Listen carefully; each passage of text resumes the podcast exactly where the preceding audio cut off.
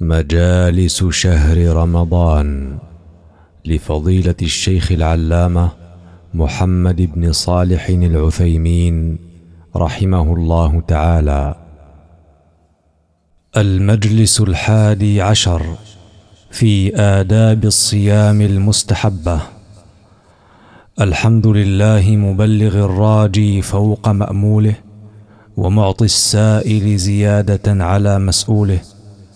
أحمده على نيل الهدى وحصوله وأقر بوحدانيته إقرار عارف بالدليل وأصوله وأصلي وأسلم على نبينا محمد عبده ورسوله وعلى صاحبه أبي بكر الملازم له في ترحاله وحلوله وعلى عمر حامي الإسلام بعزم لا يخاف من فلوله وعلى عثمان الصابر على البلاء حين نزوله وعلى علي بن أبي طالب الذي أرهب الأعداء بشجاعته قبل نضوله وعلى جميع آله وأصحابه الذين حازوا قصب السبق في فروع الدين وأصوله ما تردد النسيم بين جنوبه وشماله وغربه وقبوله. إخواني هذا المجلس في بيان القسم الثاني من آداب الصوم وهي الآداب المستحبة فمنها السحور وهو الأكل في آخر الليل سمي بذلك لأنه يقع في السحر فقد أمر النبي صلى الله عليه وسلم به فقال تسحروا فإن في السحور بركة متفق عليه. وفي صحيح مسلم عن عمرو بن العاص رضي الله عنه أن النبي صلى الله عليه وسلم قال فصل ما بين صيامنا وصيام أهل الكتاب أكلة السحر. وأثنى صلى الله عليه وسلم على سحور التمر فقال نعم سحور المؤمن التمر. رواه أبو داود. وقال صلى الله عليه وسلم السحور كله بركة فلا تدعوه ولو أن يجرع أحدكم جرعة من ماء فإن الله وملائكته يصلون على المتسحرين. رواه أحمد وقال المنذري إسناده قوي. وينبغي للمتسحر أن ينوي بسحوره امتثال أمر النبي صلى الله عليه وسلم والاقتداء بفعله ليكون سحوره عبادة. وأن ينوي به التقوي على الصيام ليكون له به أجر. والسنة تأخير السحور ما لم يخش طلوع الفجر لأنه فعل النبي صلى الله عليه وسلم. فعن قتادة عن أنس بن مالك رضي الله عنه أن نبي الله صلى الله عليه وسلم وزيد بن ثابت تسحرا فلما فرغا من سحورهما قام نبي الله صلى الله عليه وسلم إلى الصلاة فصلى. قلنا لأنس كم كان بين فراغهما من سحورهما ودخولهما في الصلاة؟ قال قدر ما يقرأ الرجل خمسين آية. رواه البخاري. وعن عائشة رضي الله عنها أن بلالا كان يؤذن بليل. فقال النبي صلى الله عليه وسلم كلوا واشربوا حتى يؤذن ابن أم مكتوم فإنه لا يؤذن حتى يطلع الفجر. رواه البخاري. وتأخير السحور أرفق بالصائم وأسلم من النوم عن صلاة الفجر. وللصائم أن يأكل ويشرب ولو بعد السحور ونية الصيام حتى يتيقن طلوع الفجر. لقوله تعالى وكلوا واشربوا حتى يتبين لكم الخيط الأبيض من الخيط الأسود من الفجر. ويحكم بطلوع الفجر إما بمشاهدته في الأفق أو بخبر موثوق به بأذان أو غيره. فإذا طلع الفجر أمسك وينوي بقلبه ولا يتلفظ بالنية لأن التلفظ بها بدعة. ومن آداب الصيام المستحبة تعجيل الفطور إذا تحقق غروب الشمس بمشاهدتها أو غلب على ظنه الغروب بخبر موثوق به بأذان أو غيره. فعن سهل بن سعد رضي الله عنه أن النبي صلى الله عليه وسلم قال لا يزال الناس بخير ما عجلوا الفطر. متفق عليه. وقال صلى الله عليه وسلم فيما يرويه عن ربه عز وجل إن أحب عبادي إلي أعجلهم فطرا. رواه أحمد والترمذي. والسنة أن يفطر على رطب فإن عدم فتمر فإن عدم فماء لقول أنس رضي الله عنه كان النبي صلى الله عليه وسلم يفطر قبل أن يصلي على رطبات. فإن لم تكن رطبات فتمرات فإن لم تكن تمرات حسى حسوات من ماء رواه أحمد وأبو داود والترمذي.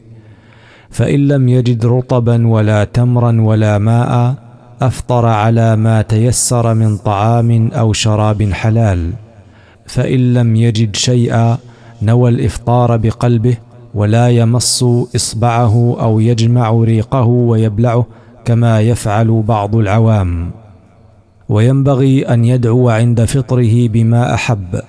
ففي سنن ابن ماجه عن النبي صلى الله عليه وسلم أنه قال إن للصائم عند فطره دعوة ما ترد. قال في الزوائد إسناده صحيح. وروى أبو داود عن معاذ بن زهرة مرسلا مرفوعا كان إذا أفطر يقول اللهم لك صمت وعلى رزقك أفطرت. وله من حديث ابن عمر رضي الله عنهما أن النبي صلى الله عليه وسلم كان إذا أفطر يقول ذهب الظمأ وابتلت العروق وثبت الأجر إن شاء الله ومن آداب الصيام المستحبة كثرة القراءة والذكر والدعاء والصلاة والصدقة. وفي صحيح ابن خزيمة وابن حبان أن النبي صلى الله عليه وسلم قال ثلاثة لا ترد دعوتهم الصائم حتى يفطر والإمام العادل ودعوة المظلوم يرفعها الله فوق الغمام وتفتح لها أبواب السماء ويقول الرب وعزتي وجلالي لأنصرنك ولو بعد حين رواه أحمد والترمذي. وفي الصحيحين من حديث ابن عباس رضي الله عنهما قال كان رسول الله صلى الله عليه وسلم أجود الناس وكان أجود ما يكون في رمضان حين يلقاه جبريل فيدارسه القرآن. فلرسول الله صلى الله عليه وسلم حين يلقاه جبريل أجود بالخير من الريح المرسلة.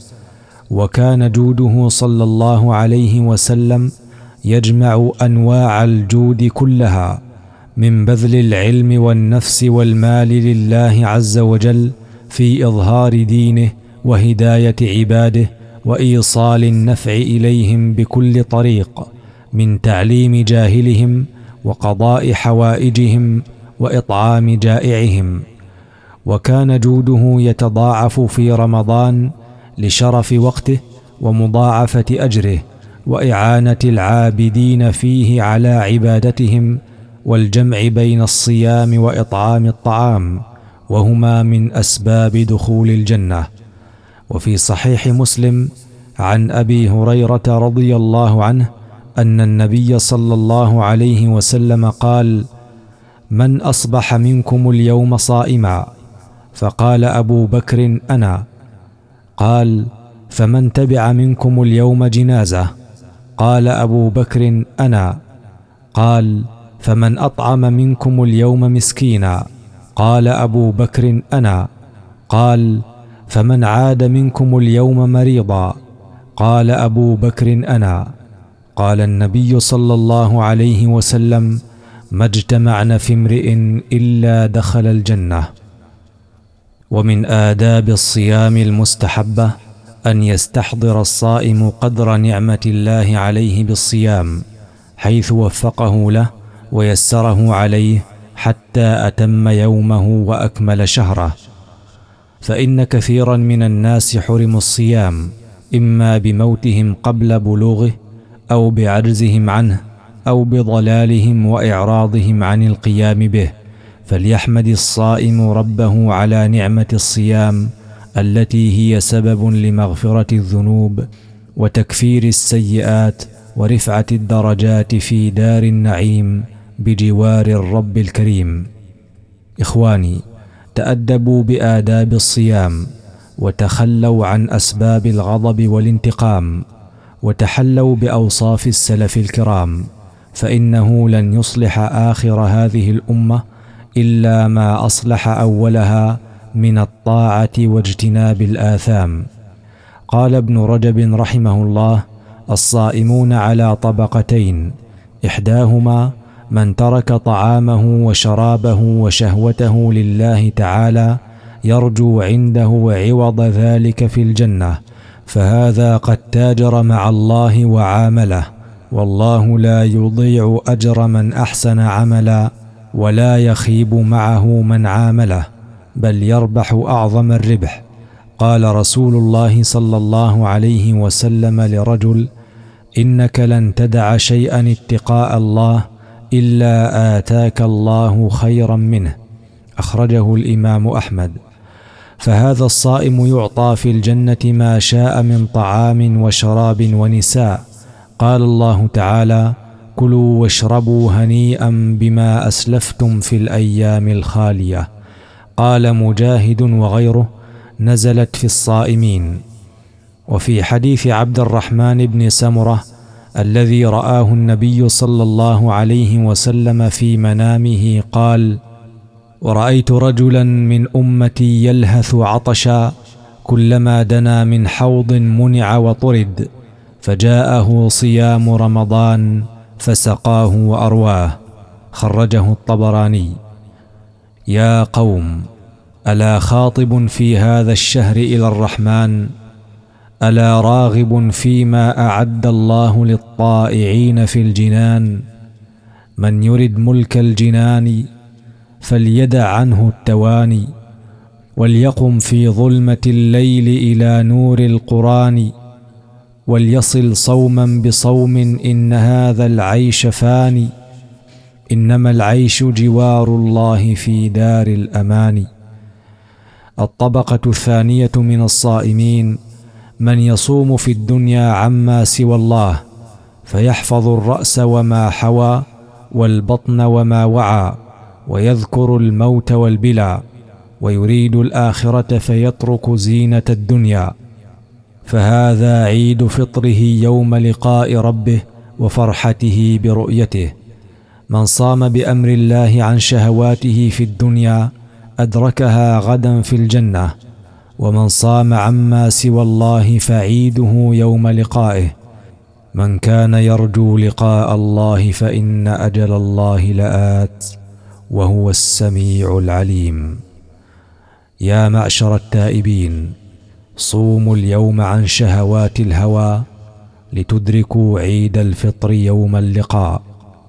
اللهم جمل بواطننا بالإخلاص لك وحسن أعمالنا باتباع رسولك والتأدب بآدابه. اللهم أيقظنا من الغفلات ونجنا من الدركات وكفر عنا الذنوب والسيئات واغفر لنا ولوالدينا ولجميع المسلمين الأحياء منهم والأموات برحمتك يا أرحم الراحمين. وصلى الله وسلم على نبينا محمد وعلى آله وأصحابه أجمعين.